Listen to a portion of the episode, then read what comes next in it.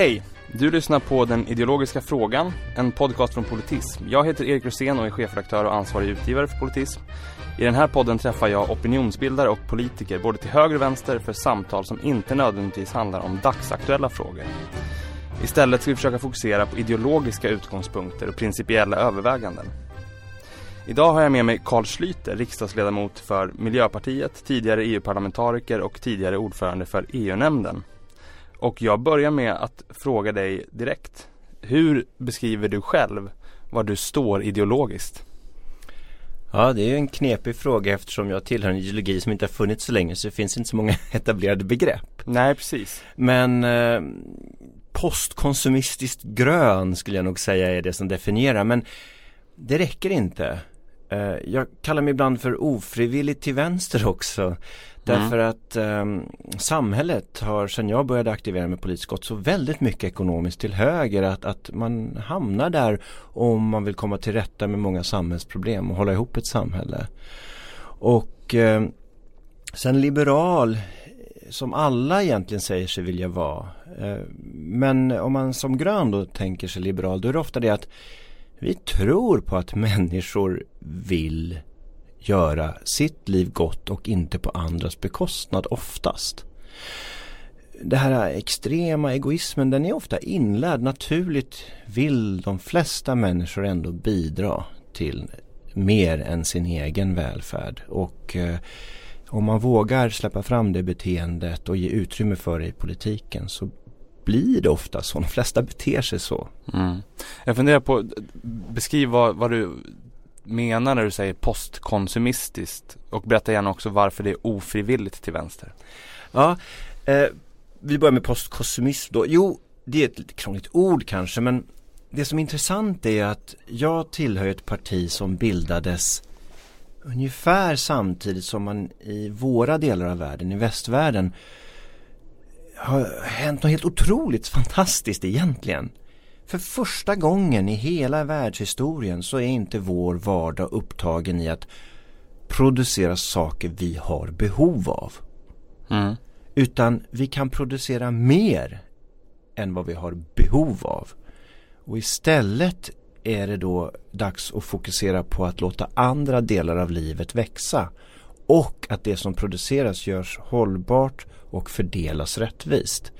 Så alla andra ideologier har ju kämpat och kämpat för att man ska kunna få sin andel av kakan. Men idag är kakan större än vad jorden ens kan hantera. Och då står vi inför helt nya politiska utmaningar, nämligen att vi ska inte producera allt vi kan producera för det ger inte oss de mervärden som motiveras av miljökostnaden att göra alla dessa prylar. Mm. Och det mm. finns fortfarande människor på jorden som så desperat faktiskt behöver mycket av det vi köper och slänger.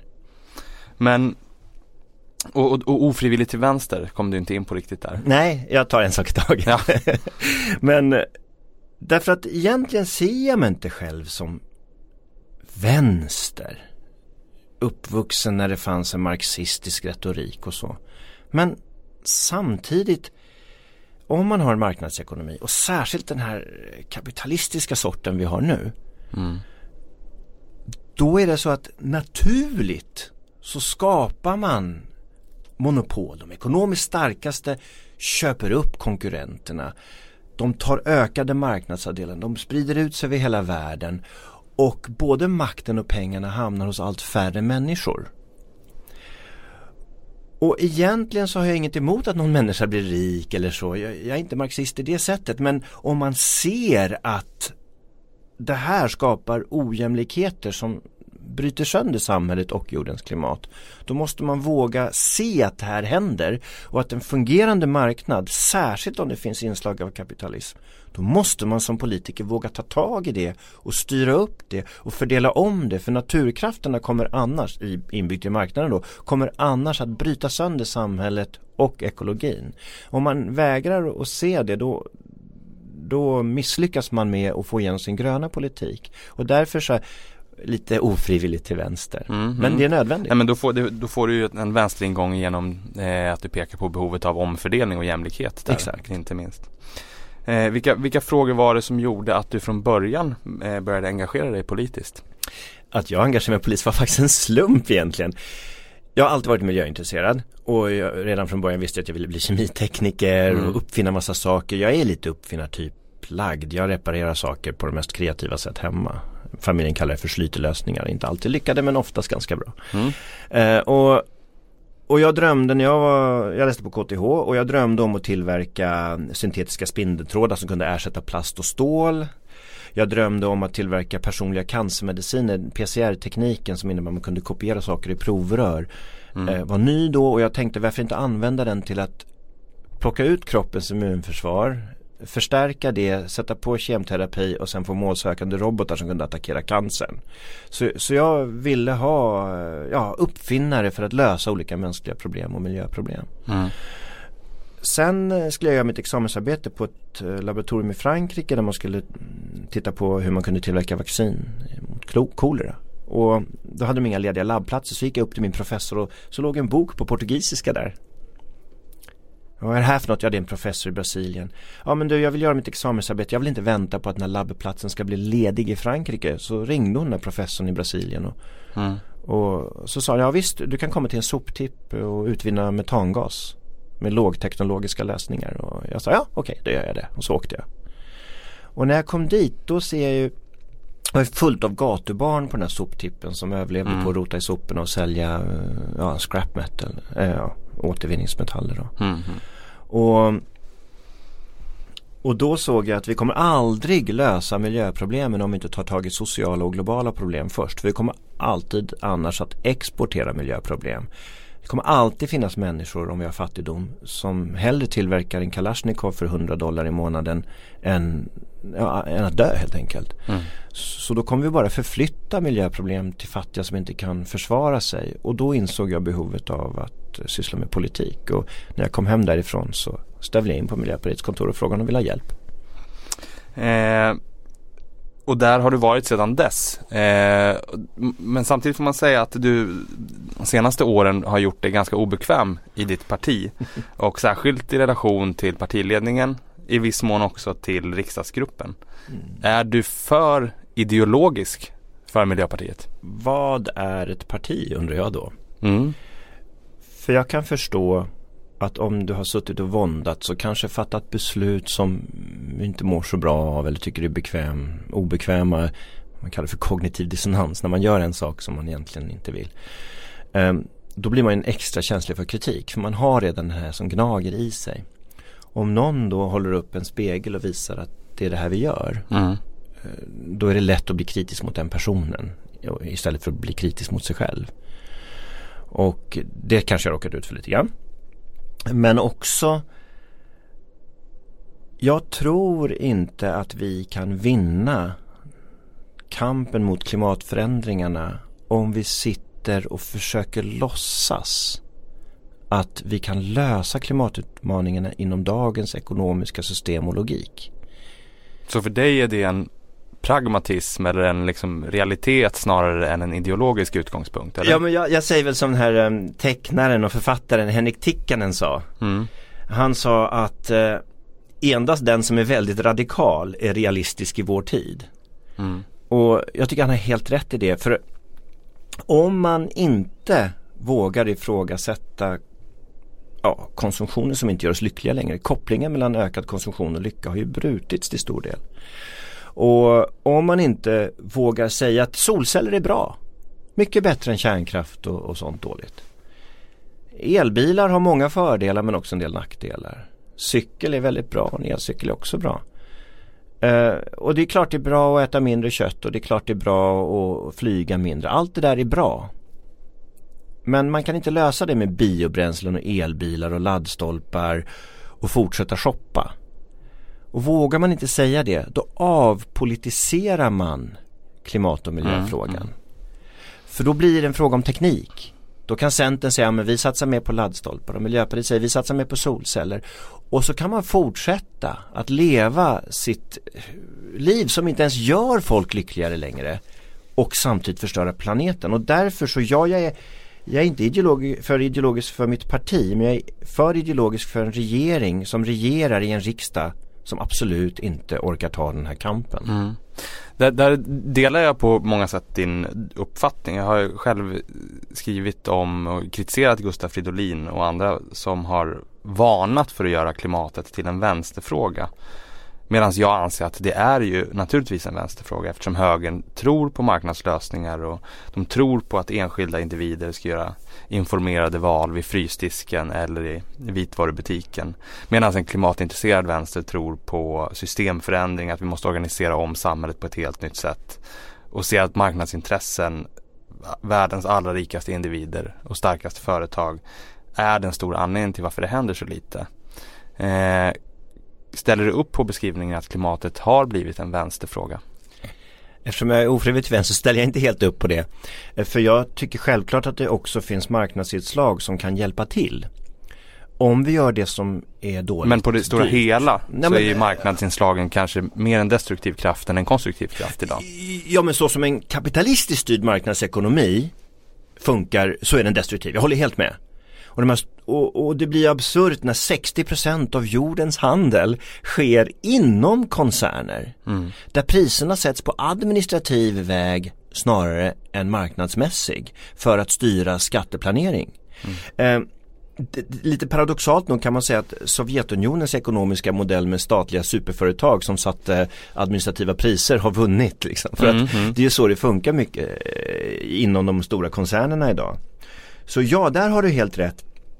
Men men eh, egentligen så en marknadsekonomi behöver styrning som inte är kapitalistisk för att bevara sig själv som marknadsekonomi. Så egentligen skulle jag säga att man är äkta liberal eller till och med äkta marknadstroende om man vågar säga att staterna måste kontrollera marknaden för att marknaden ska fungera och det tycker jag kanske inte är klassisk vänsterretorik men, men, men eh, det har inslag av det absolut. Mm. Men det är en ganska samtida vänsterretorik. Det är... Ja det är det jag tycker, en modern vänsterretorik som, som kanske skrämmer bort en del om man kallar det för vänster. Jag kallar det egentligen bara för logik. Mm. Man måste inse att en global marknad måste styras för att inte styra in oss på helt ohållbara konsumtionsmönster, helt ohållbara eh, politiska mönster som skapar konflikter och krig mellan stater och inom stater. För naturligt, om man inte styr den här marknaden så kommer den att skapa konflikter. Och det intressanta här är också, och det, du kan kalla det vänster, jag kallar det logik. Ett samhälle Det passar mig ganska bra att kalla vänster för logik. jag förstod att du skulle gilla det. Men, men jämlika samhällen är också mer miljöeffektiva. Mm. Alltså om man tänker så här, lyckogenereringen per använd naturresursenhet är större vilket jag gillar som mått hellre än BNP, mm -hmm. är, är, större och bättre för, för, för mer jämlika samhällen. Så ojämlikhet har en miljökostnad, ojämlikhet har en social kostnad, ojämlikhet bryter ner människor, slutar få dem att tro på att de har makt och kraft att kunna förändra samhället. Och när man har ojämlika samhällen så uppstår en annan effekt. Och det är att det blir rent objektivt sett viktigare att ta sig upp och ta sig fram och offra mer av sig själv och sin själ och sin tid med familj, barn, vänner och det man tror på för att ta sig fram, för att priset blir för högt när skolorna blir för ojämlika, när ekonomin blir för ojämlik då får du plötsligt i ett sådant samhälle sämre hälsa. Mm sämre livsförutsättningar och då blir kampen för att tjäna pengar logiskt mer viktig. Men det gör oss inte glada, det gör oss inte lyckliga och politiker måste våga inse att vi har kommit till en ny utveckling i mänskligheten där vi ska bejaka att robotar och artificiell intelligens kan göra mycket av de jobb vi en gång behövde. Mm. Då ska vi inte vara rädda att det blir massarbetslöshet. Vi ska korta arbetstiden, införa basinkomst, beskatta de produktionskrafter som idag tjänar pengar, nämligen kapitalister, alltså man ska beskatta pengar och man ska beskatta ökning av produktionsvärde inom bolagen. Sen kan vi plötsligt arbeta mindre och själva ta makt över vår tid, själva utvecklas. Och det är ju precis vad de allra första plakaten på Gärdet 1890 sa när man krävde åtta timmars arbetsdag för att arbetarna skulle kunna utveckla sig intellektuellt och socialt. För att de skulle kunna få en frihet. Och där är vi igen och vi kan mm. idag genomföra 1890 års plakat istället för att hålla fast vid en förlegad arbetslinje där 80% av befolkningen ska jobba ihjäl sig för att behålla jobben så att de 20% av befolkningen som inte har jobb ska slita ihjäl sig för att söka jobb de aldrig får. Mm. Eh, jag tänkte faktiskt att vi skulle komma in på det här med medborgarlön. Du förespråkar det gäller basinkomst och mm. eh, har skrivit att försörjning kan frikopplas från lönearbete. Eh, jag tycker själv att idén och om basinkomst intressant. Jag tycker det är spännande med försök med medborgarlön och mm. tester och tycker att man ska undersöka och så vidare. Då har du kommit mycket längre än de allra flesta svenska politiskt intresserade kan jag säga. För all del. Eh, men men eh, jag ser samtidigt en avgörande motsättning här. Eh, för om man frikopplar försörjningen från lönearbetet då försvagas ju även den makt löntagare får genom att organisera sig i egenskap av arbetare arbetarnas ställning bygger i väldigt stor utsträckning på att de hela tiden kan hota med att lägga ner arbetet. Vad händer med den makten om man inför basinkomst? Den ersätts då av en demokratisk makt eftersom de här arbetarna istället för att slita ihjäl sig på arbetsplatser som stressar dem får tid att agera som demokratiska och sociala medborgare i ett land. Så att men det gör ju möjligen organiseringen oerhört mycket svårare. Men du får ju mer tid. Du har ju 24 timmar om dygnet. Du måste sova ett antal. Resten jobbar du och, och fyller i räkningar på internet och Facebook och vad man nu håller på med. Men om man, tiden för arbete kortas. Jag skulle nästan säga att tiden för att organisera sig politiskt och demokratiskt faktiskt ökar. Däremot så säger jag inte att alltså medborgarlön eller basinkomst som det modernt kallas för den kommer ju aldrig vara på en nivå så att hela Sverige slutar lönarbeta. Men det ger människor i utsatta positioner en möjlighet att tacka nej till arbeten. Mm. Att man hellre lever på lite mindre pengar och har sin frihet och, och värdighet kvar än att tvingas in i en osund arbetsrelation. Men det är ju det här och, som... Och det som... tror jag faktiskt skulle stärka facken. Att man kan faktiskt säga nej till arbetsuppgifter som man betalar för lite för, för att de ska anses värdiga för den ersättningen? Ja, både och. För att jag tänker att om man skulle införa basinkomst så skulle man ju vara tvungen att, eller då skulle det automatiskt ersätta a-kassan skulle jag gissa. Och a-kassan är ju ganska central för eh, att både eh, ha starka fackförbund men också för att hålla uppe det som man kallar reservationslönen, det vill säga den lägsta lön eh, som, som krävs för att man ska ta ett mm. arbete för att inte lönerna ska bli för låga. Ja men där har du rätt tycker jag. Och det är därför de flesta, nu det är ganska intressant utanför Sverige där basinkomst är mycket mer generell diskussion. Mm. Där finns det ju förespråkare både till höger och vänster och det finns ju de förespråkarna till höger som har den agendan som du tar upp här. Mm. Men de flesta då gröna som generellt utanför Sveriges gränser är väldigt mycket för basinkomst. De flesta av oss säger att vi måste ha kvar bitarna som är in inkomstbortfallsprinciper och sånt för att upprätthålla nivån på sjukföräldrar och penning och a-kassa. Så att det försvinner inte alls med basinkomst.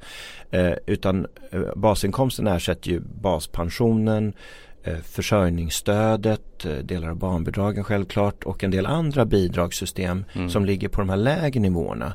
Men du har helt rätt i att om man skulle helt ta bort alla bidragssystem och ersätta det med basinkomst, då tror jag att du har rätt. Men, det är väl nästan det man har gjort när man har testat det i Finland. Ja, Finland har ju testat det på en väldigt låg nivå. Mm. 5000 i månaden är extremt lite. Ja, verkligen. De flesta som förespråkar basinkomst säger att man ska kunna leva på det men man ska inte vilja leva på den nivån hela livet utan man ska själv ta ansvar för sin, för sin försörjning men då på sina egna villkor. Och när vi har testat det här i Brasilien, i Namibia, i USA av alla personer i världen så mm. införde faktiskt Richard Nixon ett försök med medborgarlön. Intressant. Och, och, USAs försök är väl kanske intressant att nämna då för att det var flera tusen som var med i det. Och när man utvärderade effekterna så var det inte en enda person som frivilligt drog sig tillbaka från arbetsmarknaden. För motpropaganda mot medborgarlön är ju Oh, eh, ja men då lägger sig folk i hängmattan som om det vore det största brottet mot mänskligheten att lägga sin hängmatta och ta igen sig lite. Men mm. i alla fall, det är argumentet mot. Men det är faktiskt inte riktigt sant. Det bygger på som jag sa i början det här med att ha en tro på människan eller om människan är en smitande egoistisk varelse mm. som drar sig undan allt ansvar. Nej, Nej det, människor gör inte det. det tror absolut inte jag heller. Nej, jag, jag sa inte att du gör Nej. det men jag, min, min poäng här då är att det visade där att man använde 67 veckor längre mellan två jobb däremot. Mm. Och det är bara bra. För då får man ett jobb som är bättre anpassat efter ens förutsättningar och, och, kanske man bidrar mer till samhället om man kan ta ett sådant jobb. Så det stärkte på ett sätt då arbetarnas villkor skulle jag säga. Men eh, det avslutades också det här försöket. Och det finns lite olika teorier om varför men en lite rolig teori som, som har nämnts flera gånger är just att kvinnor som levde i osunda relationer mm kunde äntligen frigöra sig från sina män när de mm. blev ekonomiskt oberoende av dem. Så det finns ju jämlikhet och jämställdhetsfördelar med mm. en sån reform också tycker jag. Och men en del av det du pekar på är ju också precis sånt som arbetarrörelsen och fackföreningsrörelsen har åstadkommit även för kvinnors frigörelse mm. eh, i att organisera dem och att stärka dem ekonomiskt och göra dem eh, att de bär sin egen försörjning och så vidare. Mm. Eh, och det, jag, jag, tycker att det finns så många intressanta skäl eh, till att titta på basinkomst. Men jag ser verkligen det som att det är ett hot mot arbetarnas organisering och mot fackförbunden. Och, de, och, och arbetarrörelsen som sådan ser ju jag som den bästa chans man har så att säga. Men jag, jag är rädd för att du kanske har fastnat lite i, i vad det är att vara arbetare och människa. Det viktigaste är väl ändå att människor kan organisera sig. Att människor får kraft att ta över den politiska ekonomiska makten. Och, jo, men maktinstrumentet är ju strejken, ja, det... är ju organiseringen att att avstå från att arbeta eller att arbeta, att ja. göra upp om villkoren men och så vidare. Är, är, det är det, det som är maktpositionen för löntagarna. Ja, men det är en indirekt maktposition. Då accepterar du fortfarande att det finns arbetsgivare som dominerar marknaden och så mm. får du slåss mot dem. Varför inte ha en mer en annan syn i att i framtiden kommer en allt större del av värdet skapas av maskiner för att ta makten över vad de värdeskapar så måste vi ta den politiska makten. Att då direkt ta kontroll över den politiska makten istället för att gå omvägen och slåss mot arbetsgivare som har motsatta intressen. Som människor kan både arbetsgivare och arbetstagare i framtiden kanske få gemensamma mänskliga intressen att utvecklas. Så jag tror faktiskt att en sån reform skulle kunna bidra till att vi fick mer makt för de som arbetarna traditionellt har kämpat för. För Idag är det en sämre organisationsgrad för fackförbunden. Det kan ingen reform i världen ändra Nej, på tror jag. Och, och, och, då är det kanske ännu viktigare att stärka alla människors makt att få tid och kraft att kunna organisera sig politiskt. Och den människa som till sin arbetsgivare inte bara kan strejka någon vecka till strejkkassan är slut utan kunna säga att du jag föredrar att leva på basinkomst än dina vidriga villkor. Det är en ännu starkare makt för då kan inte företagen alls göra någonting om den inte förbättrar villkoren. Så att det är lite olika sätt att uppnå samma mm. maktförskjutning. Så jag är inte så rädd för maktförskjutningen kommer att ske om vi ger människor tid och kraft och ork att ta tag i sina liv. För vad jag tycker Socialdemokraterna har misslyckats med de sista åren det är att ge människor hopp och tro på att de kan ha riktig makt. Och jag ser lite grann samma, när jag träffar folk i, i gräsrötterna i fackförbunden så mm. Alltså verkligen härliga åsikter, mycket kraft och energi och eh, väldigt logiska, sunda, bra politiska värderingar som har insett vad man faktiskt behöver och har rätt till i samhället. Mm. Men ju högre upp man kommer i organisationerna desto mer har de umgåtts med, med folk som har helt andra värderingar och desto högre inkomster har folk desto mer umgås man i sammanhang där man ställs inför samma vardagliga problem som de som är ganska rika. Och att det blir en liten perspektivförskjutning och jag känner inte att alltid att facken arbetar för de som är arbetslösa och de som är, är gräsrötter på samma sätt som man gjorde förr. Och jag känner samma problem med Socialdemokraterna. När jag träffar gräsrötter så är de ofta härliga, äkta socialdemokrater som man skulle förknippa med socialdemokratin. Medan regeringen satsar tio gånger mer per exportkrona att gynna vapenindustrin än de moderna miljövänliga industrierna vi har i Sverige. Mm. Jag känner inte igen, det finns den här kopplingen. Idag är det ledningarna i partierna som styr över gräsrötterna istället för gräsrötterna som styr över partierna. Ja men så är det ju. Och, och, och det här och, är där, jag, där jag verkligen kan hålla med dig är ju att Alltså om man återknyter till basinkomstdiskussionen eller till min ingång då med den fackliga organiseringen och a-kassan så har ju även Socialdemokraterna börjat prata om arbetslinjen och att alla som kan jobba ska jobba. Eh, det är ju en linje som eh, också då försvagar möjligheten att säga att nej eh, under en viss inkomst så ska vi inte jobba, då ska vi ha andra lösningar för att hålla lönerna uppe och så vidare. Mm. Så där, där kan jag så, dela sen, den uppfattningen. Sen, alltså de som säger att, att ha ett arbete eller en meningsfull sysselsättning. Det är oerhört viktigt. Och ett traditionellt arbete där man får betalt för någonting man kan och gör. Det är bra för självkänslan, det är bra att få arbetskamrater, det är bra att få inkomst. Så att mm. ett arbete, att ha ett arbete har många värden.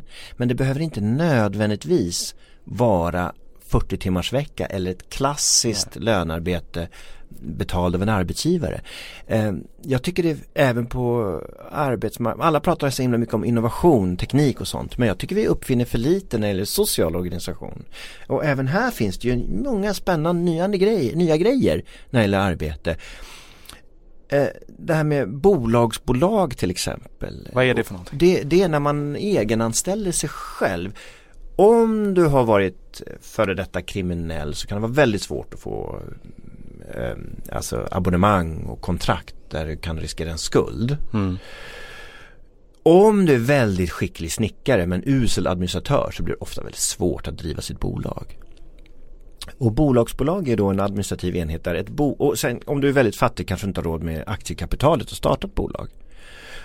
Men ett bolagsbolag, då går du in i ett bolag som en oberoende del men de sköter alla administrationsskattegrejer och fakturering och om du behöver anställningshandlingar och sånt. Och så kan du koncentrera på det du är bra på.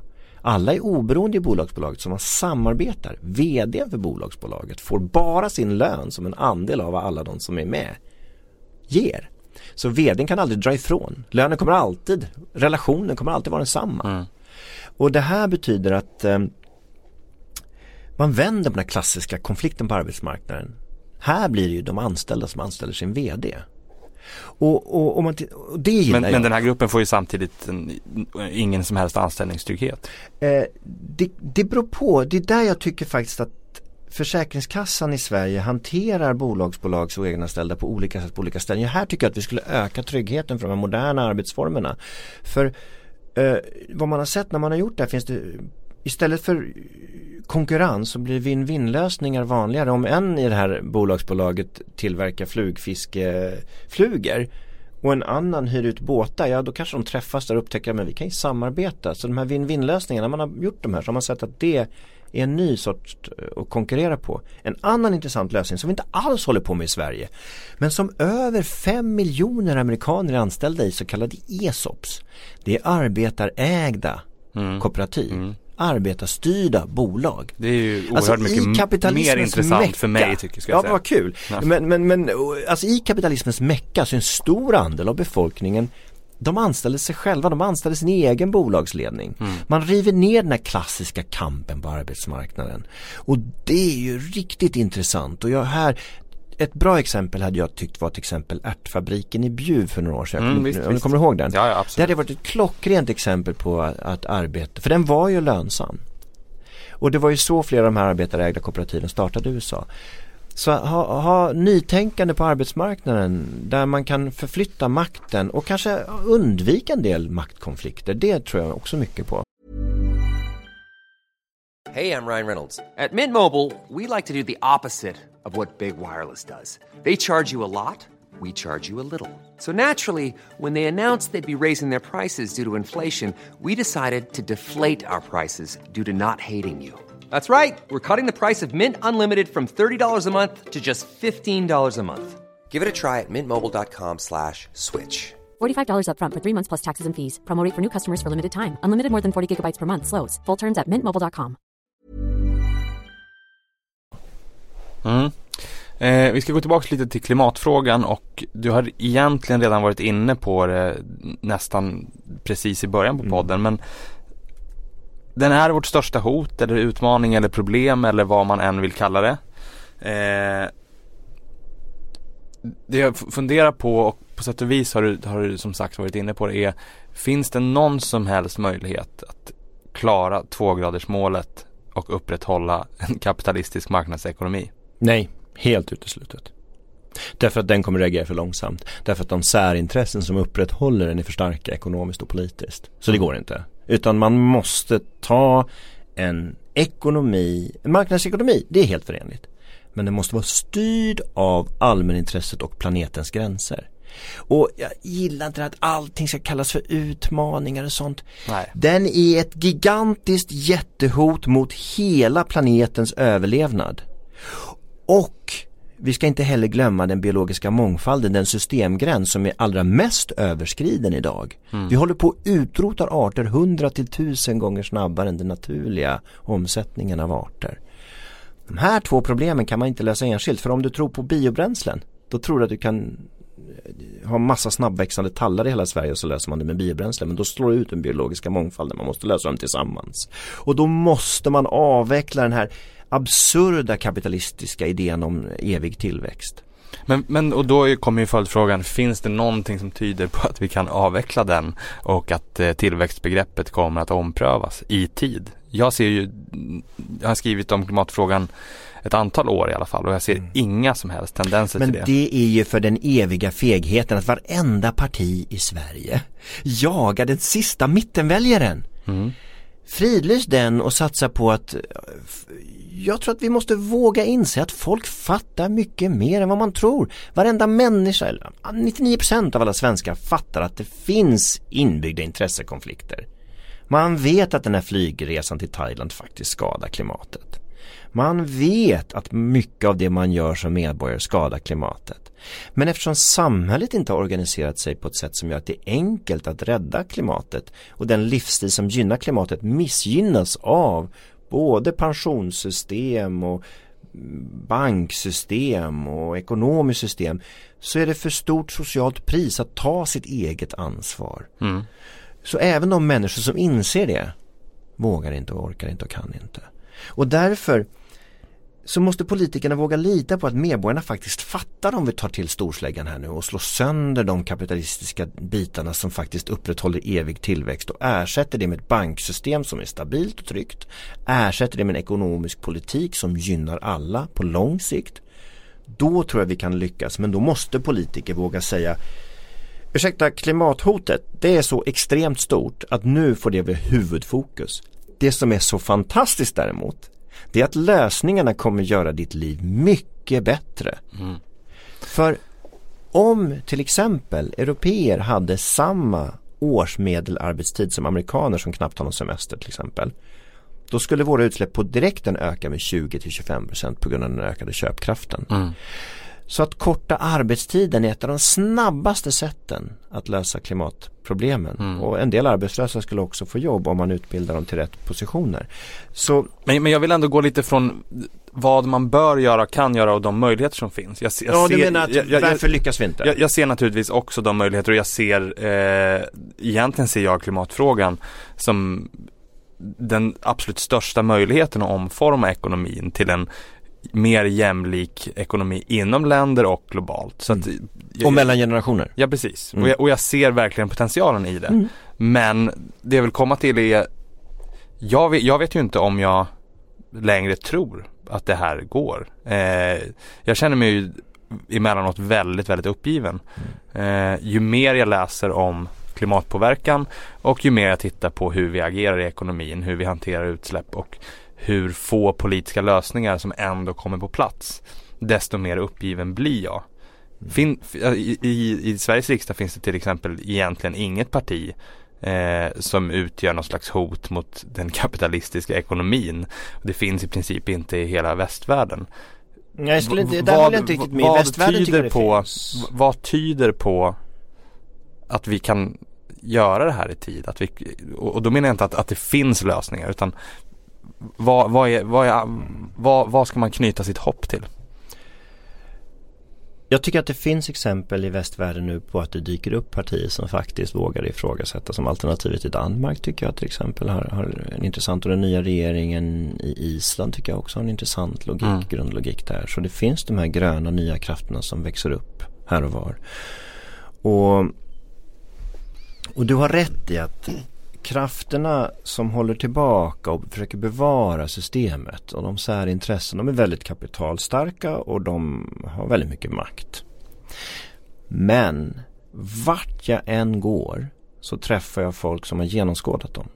Mm. Man har sett effekterna av den här politiken. Man har sett att sedan 1980 så har löneandelen av ekonomin ständigt minskat och kapitalvinsterna i ekonomin ständigt ökat. Man har sett och fått en känsla av att orättvisorna växer.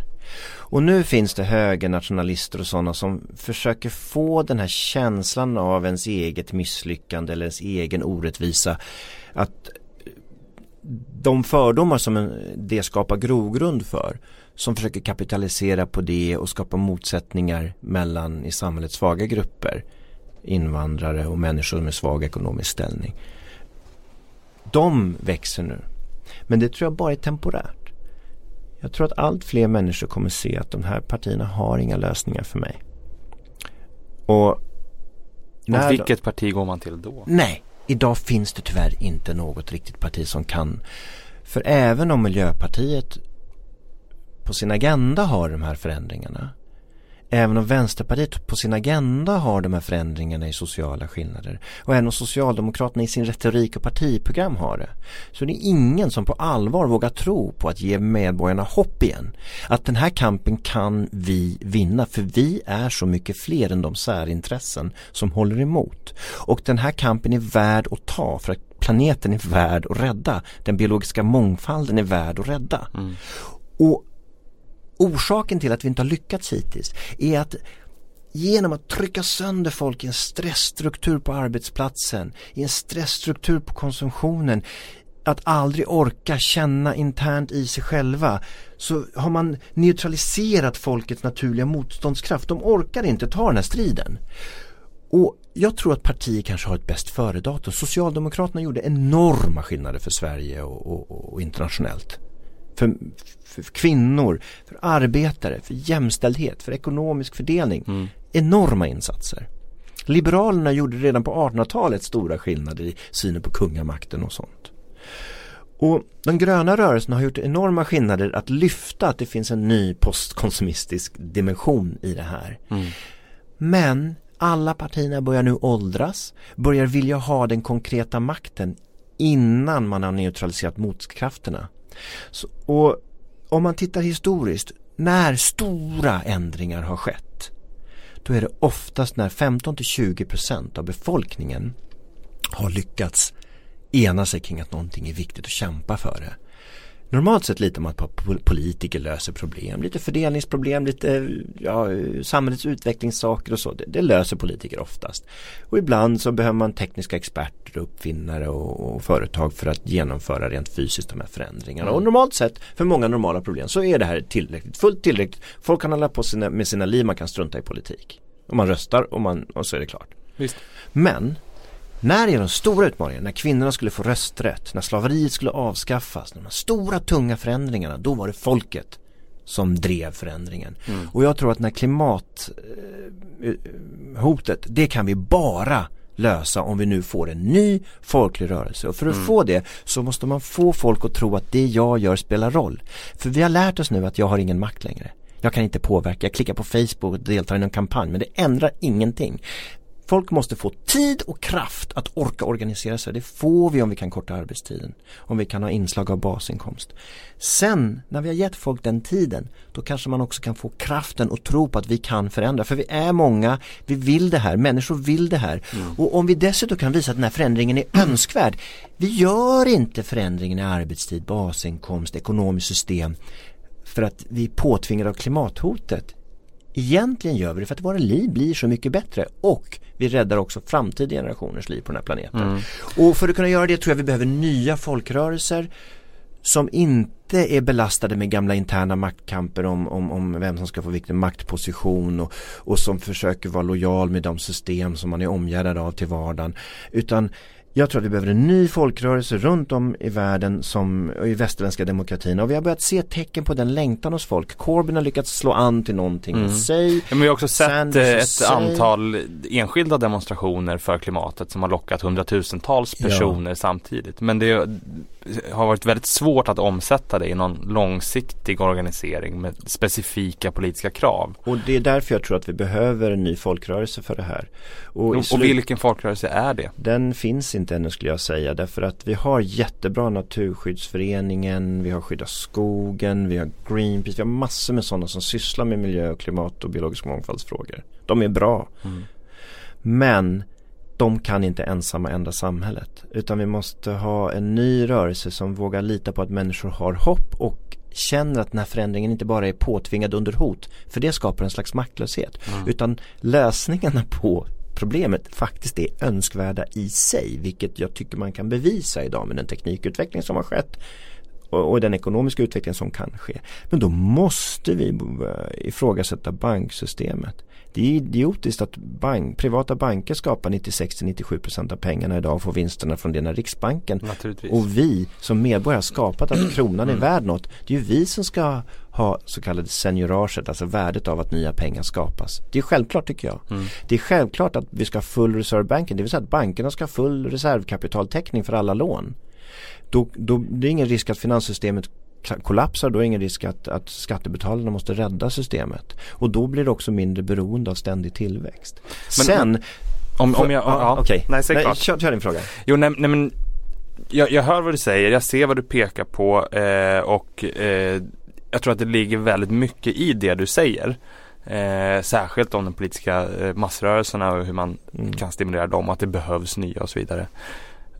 Men, men den, den tråkiga deprimerade delen av mig som politisk varelse tycker ju att det jag hör är att det här är inte på väg att hända i tid.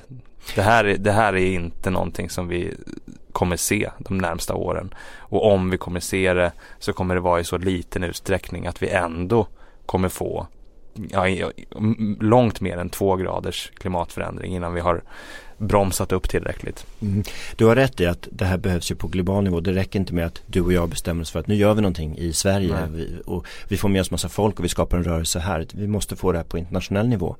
Men det är ju det som oroar mig med de här man ser mer och mer på Davos, Världshandelsorganisationen, alla de här toppmötena, till och med de här äldre männen som har gynnats mest av det gamla systemet börjar se att det finns risker med det. Mm. Men som en sista försvarslinje låser de nu in oss i handelsavtal mm. som tvingar på oss deras gamla jag kallar dem nyliberala ekonomiska lösningar eller kallar dem för kapitalistiska lösningar som försvagar motkrafterna. Titta bara på CETA-avtalet. Eh, där man för första gången någonsin, det är alltså EUs handelsavtal med mm -hmm. Kanada. Um, där man för första gången någonsin har en så kallad negativlista. Det vill säga att man för första gången någonsin utgår från att alla tjänster ska vara utsatta för global konkurrens. Mm. Tjänster. Och sen gör man några undantag. Och om man vill och så säger många att åh det här med avtalet är så modernt, man får ta miljöansvar och det står tydligt inskrivet. Jo, men det ska fortfarande följa Världshandelsorganisationens gamla krav på legitima krav för att skydda miljön mm. som inte för onödigt mycket påverkar handeln och den som tolkar vad som är legitimt och inte är inte medborgarna och demokratin utan några särskilda skiljedomstolar för företag. Och det är en enorm gigantisk maktförskjutning som låser fast oss i gamla lösningar som försvårar omställningen. Mm. Och så på så vis, du har helt rätt. Utmaningarna är enorma. Att riva upp den här sortens avtal är svårt. EU är fast i en gammal tillväxtdogm. Mm, och vi flyttar allt mer makt till EU. Det gör vi också. Eh, det gör vi också. Vilket ytterligare försvårar ja. detta. Så, men det, här med, det finns en myt om att vi har så globalistisk ekonomi. Redan på 1840-talet så var Kina eh, liksom stod för halva jordens ekonomi med en enorm världshandel. Och så egentligen är de här att vi har så mycket internationella relationer inte något nya.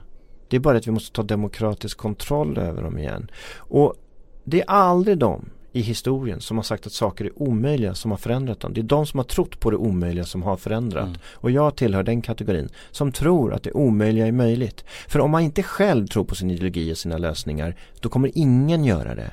Men om man själv tror på det då kan fler och fler göra det och fler och fler gör det. Ja, du har rätt i att de politiska motkrafterna och motsättningarna är enorma.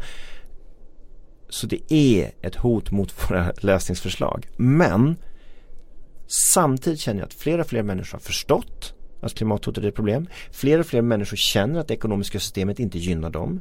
Fler och fler människor känner att den materialistiska ständiga renoverings och köphetsen eh, av kök alltså och sånt. Mm. Eh, den ger inte så mycket mervärden. Det, bara, det blir ett stressmoment att äga alla dessa prylar och hålla på med dem. Och sen är det ett stressmoment att se de ökade klyftorna i samhället. Inte ens den allra rikaste mår bra för den oroar sig för att ens barn ska bli kidnappade. Det är inte bra för någon. Fler och fler ser det här. Och mellan skål och vägg, jag har träffat investerare i Bryssel när jag var EU-parlamentariker som själva känner, nej men jag är fast i det här systemet. Mm. Jag vet att jag gör väldigt dåliga saker på jobbet men, men jag kan inte ändra det här själv. Mm. Och därför måste vi nu göra den här förändringen. Och, och jag tror att folk är för utslitna och, och, och för upptagna med det de håller på med till vardags. Att den allra viktigaste snabba reformen vi kan göra dels för att minska vår resursförbrukning och öka människors möjlighet att aktivera sig är just kortare arbetstid och basinkomst. Så det skulle frigöra människors tid och kraft till annat än att bara konsumera och jobba och behålla sin position i samhället. Mm. Som ingen mår bra av. Så, Så att en kort, kortare arbetstid är egentligen den snabbaste vägen för att Båda börja... målen. Ja. Mm, jag ja. tror att det är väldigt viktig förändring och traditionellt sett har socialdemokratin insett värdet av kortare arbetstid. Mm. Men nu var det sedan 1970-talet sist vi kortade den mm. generella arbetstiden. Och det tror jag är ett problem för stress är ett hot mot planeten. Vår stress stressar planeten och, mm. och vi måste ta bort båda. Eh, och, och, här tycker jag det är intressant. Fler och fler religiösa ledare har ju börjat slå an på det här mm. och deras citat har fått spridning. Jag, jag, tog med mig några hit som jag gärna vill läsa upp om du har tid. Det är korta. Um, Desmond Tutu då har sagt. Mm, mm. Eh, folk med samvete måste bryta förbindelsen med bolagen som finansierar orättvisan som klimatförändringen skapar. Mm. Och eh, påven har sagt då, lyssna till ropet från jorden och ropet från de fattiga som lider mest. Och han skrev i sin encyklia om klimatet som mm, är väldigt visst. radikal. Och sen Antje Jackelén här i Sverige har sagt då De flesta är överens om att det behövs förändringar i vår livsstil. Då krävs det också en inre drivkraft. Vi måste visa att ett klimatsmart liv, ett rikt liv, inte grått och tråkigt. Det kan tvärtom öka vår känsla av mening på ett sätt hörde till den vetenskapliga och krasst ekonomiska ihop med det andliga. Och här tycker jag det är intressant för det här slår an på vad de kapitalistiska urfadernas egna ord som Stuart Mill redan 1848 mm. i nationalekonomins principer som många liberaler håller som sin ekonomiska ideologi. Men även han var ju väldigt tydlig med att vad är det för mening med att låta en ekonomi ständigt växa om det leder till en utarmad planet. Och han förespråkade kortare arbetstid, att vi skulle ta ut alla våra innovationer och sånt till kortare arbetstid och frigöra människor. Och jag tror att det är dags att se att det var ju därför vi började uppfinna saker för mm, att mm. slippa jobba så hårt och så mycket. Mm. Ja, Nej, men då, det, finns, det finns naturligtvis en, en eh, det borde i alla fall finnas och det kanske tar sig uttryck i de religiösa ledarnas uttalande att en, en konservativ argumentation för klimatfrågan också. Att man måste bevara mm. eh, det som har ett stort värde och att det, det är mycket viktigare än den snabba konsumtionshetsen och så vidare. Det ju, skulle ju mycket väl kunna vara en klassisk ja. konservativ take. Alltså det här, det här slår jag an på filosofer, allt från greker, mm. kinesiska mm. taoister till nästan varje världsreligion. Så fort människan hade tid att börja filosofera kring saker så började man och när man liksom bosatte sig och man började skapa klyftor i samhällen och äganderätt då börjar man ju reflektera kring de här frågorna. Mm. Det fantastiska idag är att för första gången i världshistorien så kan vi göra någonting åt det. Vi mm. kan fördela om det här utan att någon behöver lida av det. Vi kan börja utveckla de bitar av livet som vi alltid har tyckt om. Att umgås med varandra. Att göra det man själv tror på. Eh, att vad man än har infört basinkomst så har man ju sett hur, hur folk tog ansvar. Mm. I Namibia var det särskilt tydligt när kvinnor kunde köpa symaskiner för pengarna och öka sin produktivitet.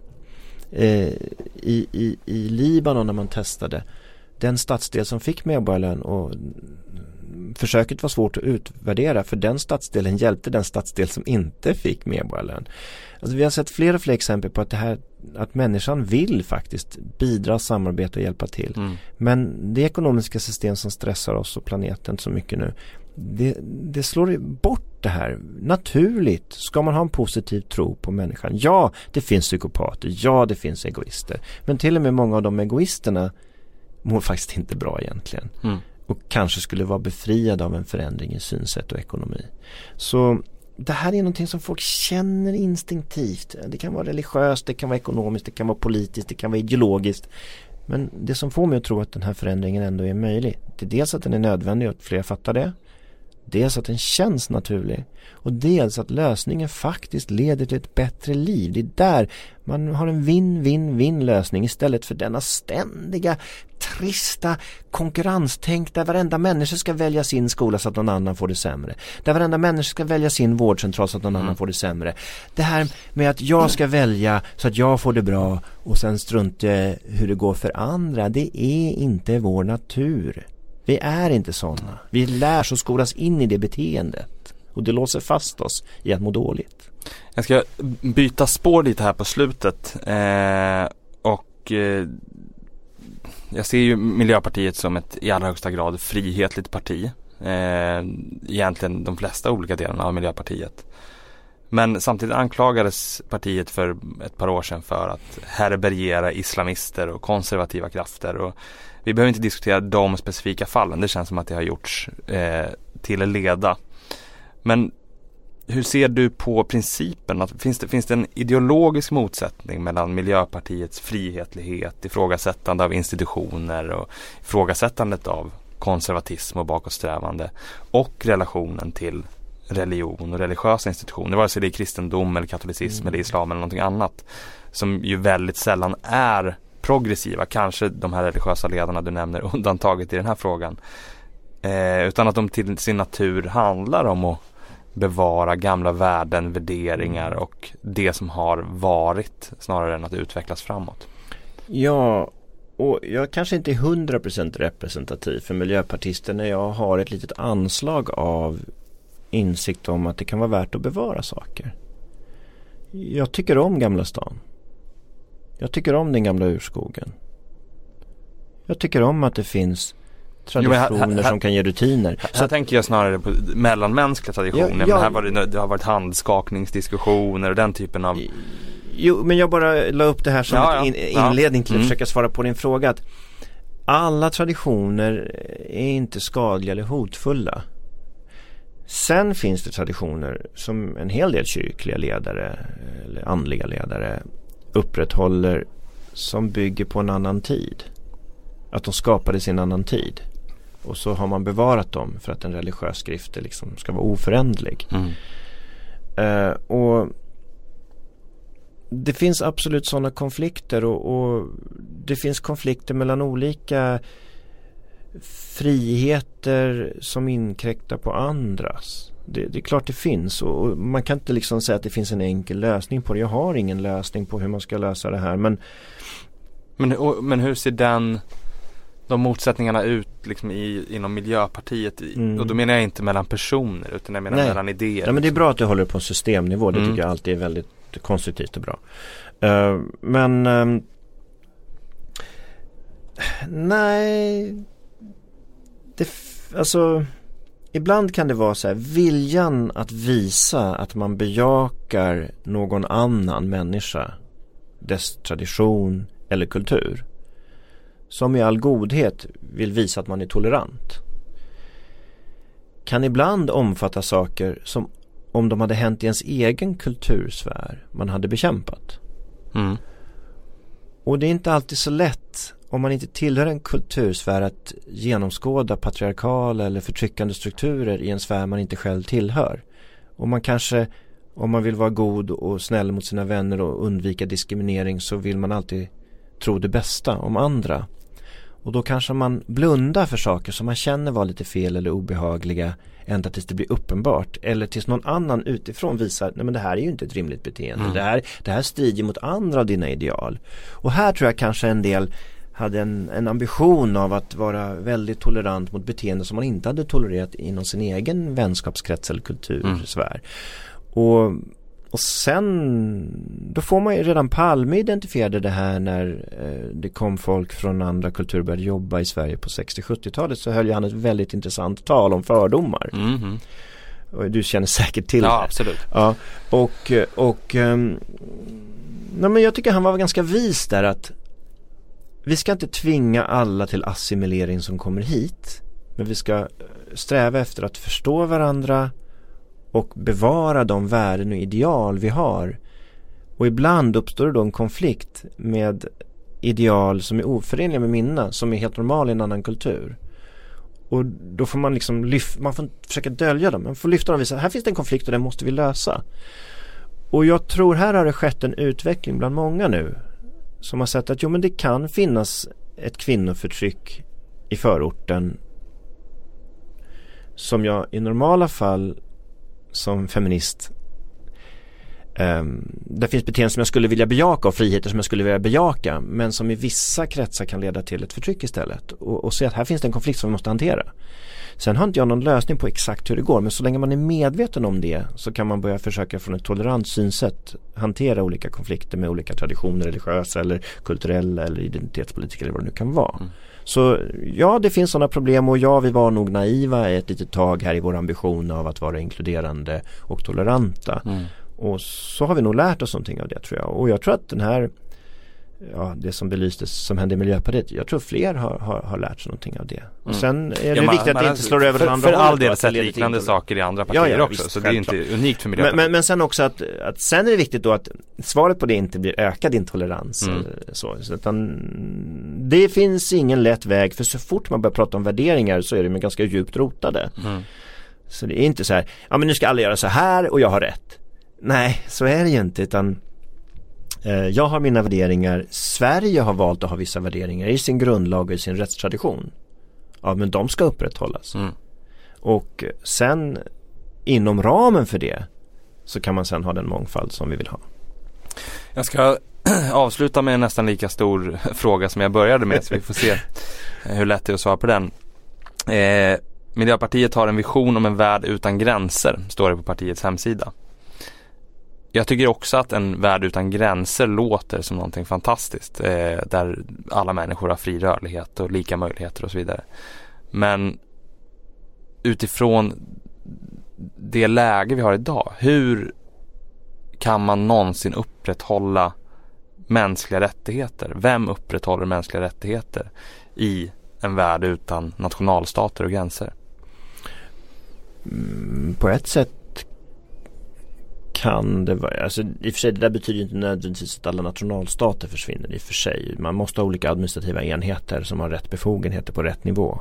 Mm. Och rätt nivå om man ska upprätthålla mänskliga rättigheter är ofta att försöka flytta ner den så långt ner till äh, familjen eller individen som möjligt.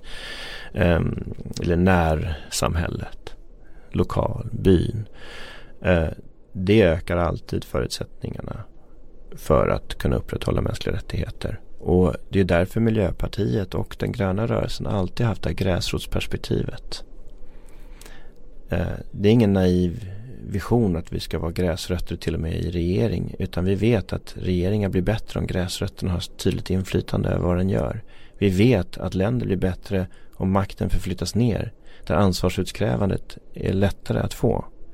Så eh, det går visst att ha en sån globalt öppen värld. Men som vi var inne på tidigare också. Du kan ju inte ha ett kapitalistiskt styrt ekonomiskt system som ökar maktkoncentrationen. Som flyttar upp saker till en nivå som vanligt folk inte kan påverka. Och ha fri rörlighet för kapital och varor. Och sen stänga gränserna för människor. För det kommer garanterat skapa enorma ojämlikheter som kommer tvinga människor att fly ett ställe de egentligen trivs på. Och nu pratar jag inte bara om krig, jag pratar om ekonomisk mm. nödvändighet eller, eller, eller översvämningar av klimatskäl. Och därför så återkommer vi hela tiden till det här. Den globala ekonomin måste styras upp bättre så att den inte skapar de här enorma klyftorna som skapar tvånget att fly. För när vi väl avskaffar tvånget, när vi ökar den globala rättvisan, då kommer de människor som vill flytta av frivilliga skäl, det kommer vara fullt hanterligt. Mm. För de kommer Men, vara lagom många. Och, och, och, detta är, är jag med på och jag, jag vill också ha en sån värld där mm. man kan röra sig dit man vill, bosätta sig dit man vill och leva där man vill naturligtvis. Eh, och där människor inte hindras att fly på grund av gränshinder. Men oavsett om man kallar det nationalstat eller administrativ enhet ja. så är det ju någon som då som ska upprätthålla mänskliga rättigheter. Mm. Eh, och om det är en väldigt liten administrativ enhet som ska upprätthålla väldigt många människors rättigheter plötsligt eller om det är eh, någon slags global eh, mm, ja, okay. Organisa FN klarar ju inte att upprätthålla mänskliga rättigheter. Alltså, EU ärligt... klarar inte att upprätthålla mänskliga rättigheter. Sverige klarar inte heller. Eh, mm. Men vi klarar det betydligt bättre än eh, vad EU och FN gör. Ja, det kan man nog säga. Och eh, ja, men återigen då. Det gäller att bryta med centralistiska maktstrukturerna. Det är de som ofta, och, och, och, och klyftorna i ett samhälle, det är de som skapar att det är ju, som Herman Munkler skriver i sin bok De nya krigen, mm. eh, att det är så enkelt idag för några unga killar att ta några kalasjnikovs och börja roffa åt sig. Man kan klistra på någon ideologi eller religion eller vad som helst på deras kamp. Men egentligen är det bara rent, en ren analys. Vi unga män med vapen kan ta de varor, kvinnor och annat vi vill ha och ingen kan stoppa oss. För priset för att stoppa dem med militärt våld är väldigt högt för krigen blir mer och mer högteknologiska och det blir dyrt och svårt. Och och det gör att vi får en hel rad sådana maktrörelser som tar våldet för att få sina fördelar. Um, och det bästa sättet mot det här är att inte få människor att känna att vapen i hand är det bästa sättet för min personliga utveckling att få åt med det jag behöver. Uh, och då, då är det de här ekonomiska strukturerna som vi hela tiden återkommer mm. till. Mm. Dagens system ökar klyftorna. Ett ekonomiskt system som gör en mer rättvis handel. En, ett ekonomiskt system som tillåter länder att utvecklas ekonomiskt i den tid det behövs för dem. Ett exempel tycker jag är cashewnötsexport från Afrika. Mm. Det finns flera länder i Afrika som har stora delar av sina intäkter på exporttariffer. Frihandelslogiken säger att det är skadligt för alla. Man måste handla fritt och så får alla det bästa. Det, det är så säger all logik. Men eh, det är bara när ett land har en industriell utveckling som är redo för den globala konkurrensen. Och då en exporttariff för cashewnötter innebär då att man har en hög tariff för råa nötter men om man processar dem och rostar dem och saltar dem och förpackar dem där så har man noll i exporttariff för den färdiga produkten. Då skapar man massa jobb där. Ja, de kanske inte är bäst på att packa cashewnötter i det landet men det blir många människor jobb och staten fick intäkter. Sen när man har byggt upp en fungerande industri som är redo för konkurrens då kan man ta bort dem och öppna upp handeln. Och har vi ett handelssystem som tillåter länder att gradvis öppna upp frihandeln i takt med att människornas utbildningsnivå och den tekniska utvecklingen tillåter det. Då tror jag man har mycket större chans att lyckas utan man får de här korrupta diktatorerna som tar makten och försöker få åt sig allt de kan för att livet är så eländigt i det landet. Så att jag tror att mm, det finns möjlighet att upprätthålla mänskliga rättigheter. Men det är helt omöjligt om de som ska göra det får så lite resurser. Hela den här Afrika, äh, nordafrikanska äh, våren som man hade. Mm. Den var helt förutsägbar. FNs enhet för krisstudier hade sett att matpriserna, när matpriserna blir för höga i ett land då blir det alltid revolution. Mm. Det finns liksom nästan en formel för det. Man såg att det var på väg att komma. Ja men då hade ju FN, om man hade haft mer resurser där, kunnat gå in med matstödspengar där och få en mer demokratisk form som inte sen övertogs av Revolutioner brukar alltid leda till att någon maktgalen kille tar över till slut. Alla förenar sig i revolutionen, liberaler, kvinnor, studenter och så gör man revolutionen men sen är det alltid några maktkillar med vapen i hand som tar över. Mm. Efteråt, det är väldigt vanligt. Det hände redan i Europa 1848, den våren som vi hade. När man avsatte kungamakten i flera länder. Ja, men sen var det några maktgalna killar som tog över ändå. Så eh, en, en lite mer försiktig transformering gradvis i takt med att man lyckas ha en utbildningsnivå, och en ekonomisk fördelning som gör att demokratin kan fungera. Det, det är säkrare sätt att ställa om en stat på ett bra sätt och, och hjälpa länderna med det, då behöver FN mer resurser. FN har ju bara några procent av EUs resurser. Hur ska de kunna lösa alla de uppgifter de har? Mm. Och dessutom har FN ett otroligt gammeldags rekryteringssystem där diktatorernas söner har en massa givna positioner. Mm. Och där Saudiarabien kan vara ansvarig för kvinnors rättigheter. Det blir fullkomligt absurt. Ja, Man måste våga ta de konflikterna för att FN ska kunna ta på sig den rollen. Sen kommer en världsregering aldrig fungera. Eh, för att eh, man tappar demokratin och ju mer du centraliserar beslutsnivån desto mer har den med stark ekonomisk makt påverkanskraft. Jag såg det som EU-parlamentariker. Mm. 83 procent av de som påverkade oss var ju betalda av de större företagen. Och så när du centraliserar beslut så är det den ekonomiskt starkare som tjänar på det. Därför är det jätteviktigt att behålla så mycket beslutskraft som möjligt. Så nära köksbordet som möjligt, så nära kommunen som möjligt. Mm. Eh, med detta tänkte jag att vi skulle avsluta och jag ska tacka så jättemycket för att du kunde komma hit och vara med. Tack själv och tack för att du vågade ta ett initiativ i Sverige till att ha ett program när man pratar om ideologi och lite mer långsiktiga saker. Väldigt intressant. Ja, det tycker jag också. tack. Tack.